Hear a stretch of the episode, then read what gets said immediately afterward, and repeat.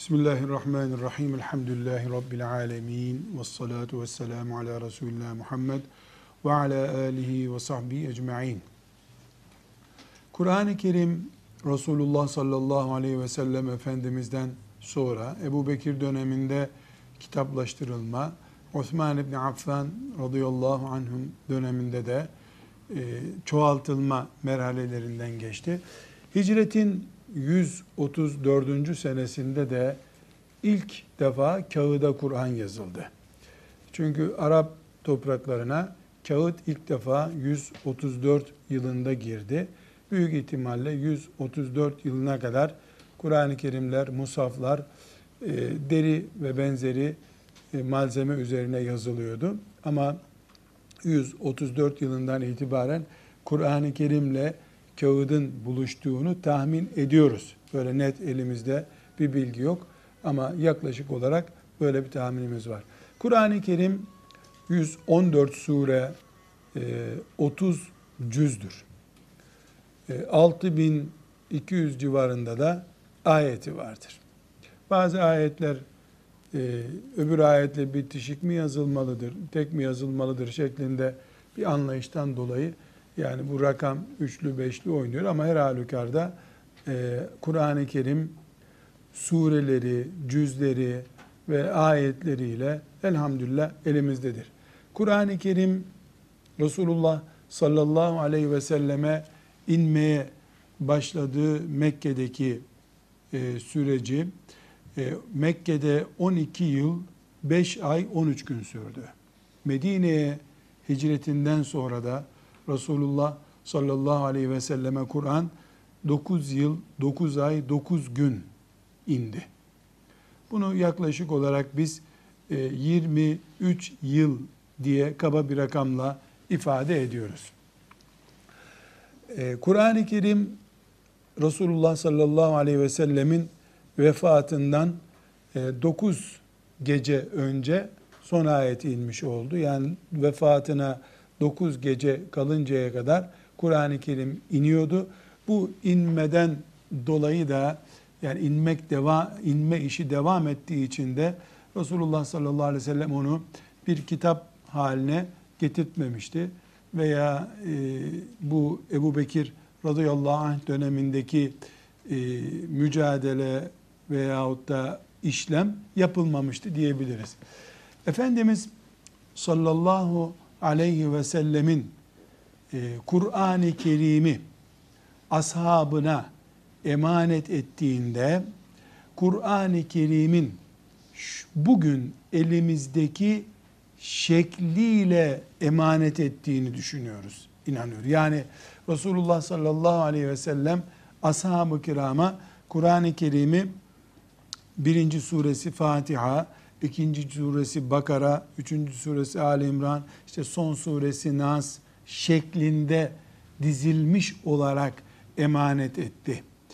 Ee, inerken ise ayetler inerken Bakara suresi mesela en son inen surelerdendir. En başa kondu. Ali İmran suresi e, veya işte Nisa suresi son inen surelerdendir. Neden? Çünkü Ali İmran suresinde Uhud'dan söz ediliyor. E, Bedir'den söz ediliyor. E, Uhud, Bedir, Resulullah sallallahu aleyhi ve sellemin e, peygamberliğinin yaklaşık 15. senesinde, 16. senesinde olmuş şeyler. Demek ki Ali İmran suresi en erken 16 sene sonra indi. Kur'an-ı Kerim'in 3. suresi. Bu nedenle şöyle bir kuraldan söz ediyoruz. Kur'an-ı Kerim'in bugünkü şu şekli yani açıyoruz. Birinci sayfasında Fatiha suresi, ikinci sayfasında Bakara suresi, en sonunda Nas suresi, e, Falak suresi, yukarı doğru İhlas suresi, işte ortasındaki sure Enbiya suresi, Kehf suresi, bu dizilişi, 114 surenin bu dizilişi, surelerin kendi içlerindeki ayetlerin dizilişi Resulullah sallallahu aleyhi ve sellemin dizme şeklidir diye anlıyoruz, düşünüyoruz. Çünkü çünkü Resulullah sallallahu aleyhi ve sellem her sene Ramazan ayında Kur'an-ı Kerim'i Cebrail aleyhisselama okuyordu. Neye göre okuyordu? Belli bir sıraya göre okuyordu. Son senesinde de Kur'an-ı Kerim'i iki defa Cebrail aleyhisselama ezber okudu. Hani mukabele dediğimiz, mukabele diye isimlendirdiğimiz şey. Yani bir sıralama, bir tertip, düzen var ki Resulullah sallallahu aleyhi ve sellem o düzene göre okuyordu. Ee, bir de Resulullah sallallahu aleyhi ve sellem Efendimiz'den gelen hadisi şeriflerde sahabe diyor ki mesela filan ayet indi. Resulullah sallallahu aleyhi ve sellem buyurdu ki bunu filanca surenin filan ayetinin yanına koyun. Filan sureyi şuraya koyun diye ashab-ı kirama bilgi veriyordu. Bundan şunu anlıyoruz biz. Yani Kur'an-ı Kerim elimizdeki Allah'ın kitabı ashab-ı kiramın zevkine göre dizilmiş bir kitap değildir. Ashab-ı kiramın böyle bir müdahalesi yoktur. Olması mümkün değildir. Eğer ashab-ı kiram böyle bir müdahale yapacak olsa söz birliği yapamazlardı. Herkesin kendine göre şöyle olması, böyle olması diye bir takdir olurdu. Sonra bakıyoruz ki Resulullah sallallahu aleyhi ve sellem bazı isimlendirmeler e, söz ediyor. Mesela uzun sureler diyor. Mesela işte filan tür sureler diyor. E, bunlar şurada dursun diyor. Bunların hepsinden toplam elde ettiğimiz bilgiden elimizdeki Kur'an-ı Kerim'in bu dizilişinin Resulullah sallallahu aleyhi ve selleme ait olduğunu, ona da Allah'ın bunu yaptırdığını, çünkü onun da kendi isteğine göre bu şekilde dizilsin diye bir beklentisi olacak hali yok. Allah Teala bu şekilde Kur'an-ı Kerim'i e, bize ulaştırmayı murad etmiştir diye inanıyoruz. Binaenaleyh bir Müslüman Kur'an-ı Kerim'i okurken mevcut dizilişini okumalıdır. Tefsir öğrenirken de mevcut dizilişe göre e, okumalıdır. Kur'an-ı Kerim'in evet bir de iniş sıralaması var. Mesela filan sure Yusuf suresi Kur'an-ı Kerim'de 12. E, cüzdedir. E, Kur'an-ı Kerim'in ilginen surelerindendir. Yani Yusuf suresi e, Mekke-i Mükerreme döneminde Miraç'tan önceki dönemde indi. Yani 10 veya 11. yılda indi. Ama Kur'an-ı Kerim'in ortalarında ancak bulunuyor. Bir hikmet mi var bunda? Elbette. Elbette bir hikmet var. Allahu Teala bu şekilde bunu dizmesinde bir hikmet var. E nedir bu hikmet? Biz bunu bilmek durumunda değiliz. Her şeyi biz bildikten sonra o hikmet olmaz zaten.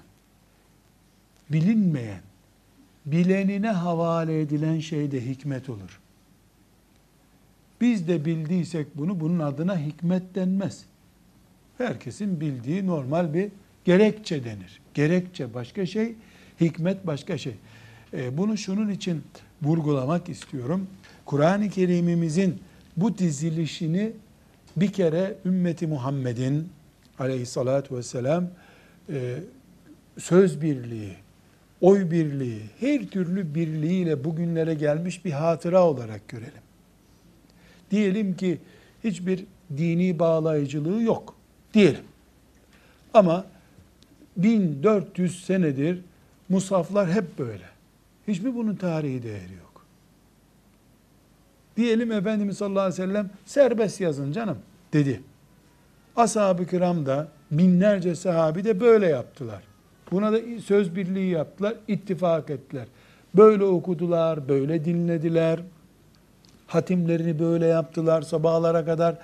Çocuklarına böyle öğrettiler. Cihada bunun için böyle gittiler.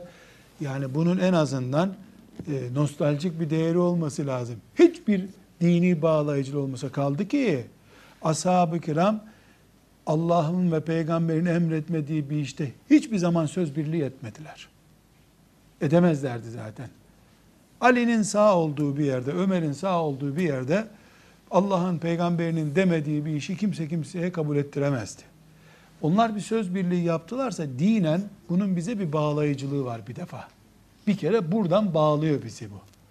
Ama diyelim ki e, ashab-ı kiram da böyle yapmadılar. Kur'an-ı Kerim'i ilk defa 134 yılında kağıda yazarken insanlar kolay olsun diye böyle yazdılar. Bunda e, ümmeti Muhammed'in tarihi birikimi var. En azından buna bir saygı göstermek lazım. Tefsirler böyle yazıldı, dersler böyle okutuldu, hafızlar böyle yetiştirildi elhamdülillah. Kur'an-ı Kerim'in bu dizilişi ümmeti Muhammed'e aittir. Bir kişi çıkıp da bunu tersten başlatmak, üçü beş, beşi dört yapma hakkına sahip değildir. Bu en azından yakışa kalmaz. En azından. Bu arada şunu da bilmemiz lazım. Şu elimizdeki Kur'an-ı Kerim'in bu şekilde dizilişi her sayfasında 15 satır olması e, bu sonradan kağıtla beraber yani e, yeni yeni diyelim ki 3. asırdan 4. asırdan sonra iyice oturmuş bir sistemdir. Evet bu da yüzlerce senedir bu şekilde duruyor ama Kur'an-ı Kerim'in sayfa başlarının böyle olması, sayfa diplerinin böyle olması belli bir göz zevkinden dolayı böyledir. Ashab-ı kiramın Kur'an'ı bu şekilde değildi. Onlar zaten kim bilir mesela e, bir sayfaya e, Bakara suresinin yarısını yazıyorlardı. Bizde aşağı yukarı 50 sayfa, 52 sayfadır Bakara suresi. E, onlar kim bilir bunu bir deve postuna baştan aşağı yazmışlardı belki de. Yani bu da mümkündür. Dolayısıyla biz bu sayfa düzenini kutsal kabul etmiyoruz ama ümmeti Muhammed'in bir göz zevki oluşmuş. Hafızlar bu şekilde yetiştirilmiş ve bu Kur'an'a bir ilave değil, Kur'an-ı Kerim'e müdahale değil, az çok diye bir şey yok. Bir göz zevki olarak bunu uygun görmüş ümmet, ümmetimizin uygun gördüğü bizim yolumuz, yordamımızdır deriz. Ayrıca bir bilmemiz gereken husus daha var. Kur'an-ı Kerim'imizin daha önce de buna değinmiştim. Mevcut yazılışındaki üstünler, esreler, ötreler, noktalamalar, mesela bir düz çizginin altında bir nokta oluyor, B harfini alıyor. Üstünde iki nokta, T, üstünde üç nokta olunca F harfi oluyor. Bunlar daha sonra ikinci asra aittir. Bunun nedeni de yani ashab-ı kiram e, kökten Araptılar. E, noktalaması olmadan okuyorlardı Kur'an-ı Kerim'i. Daha sonra e, Türkler, Farisiler, Rumlar yani Arap olmayıp Arapçayı sonradan öğrenenler e, Kur'an-ı Kerim okurken zorluk çekmeye başladılar.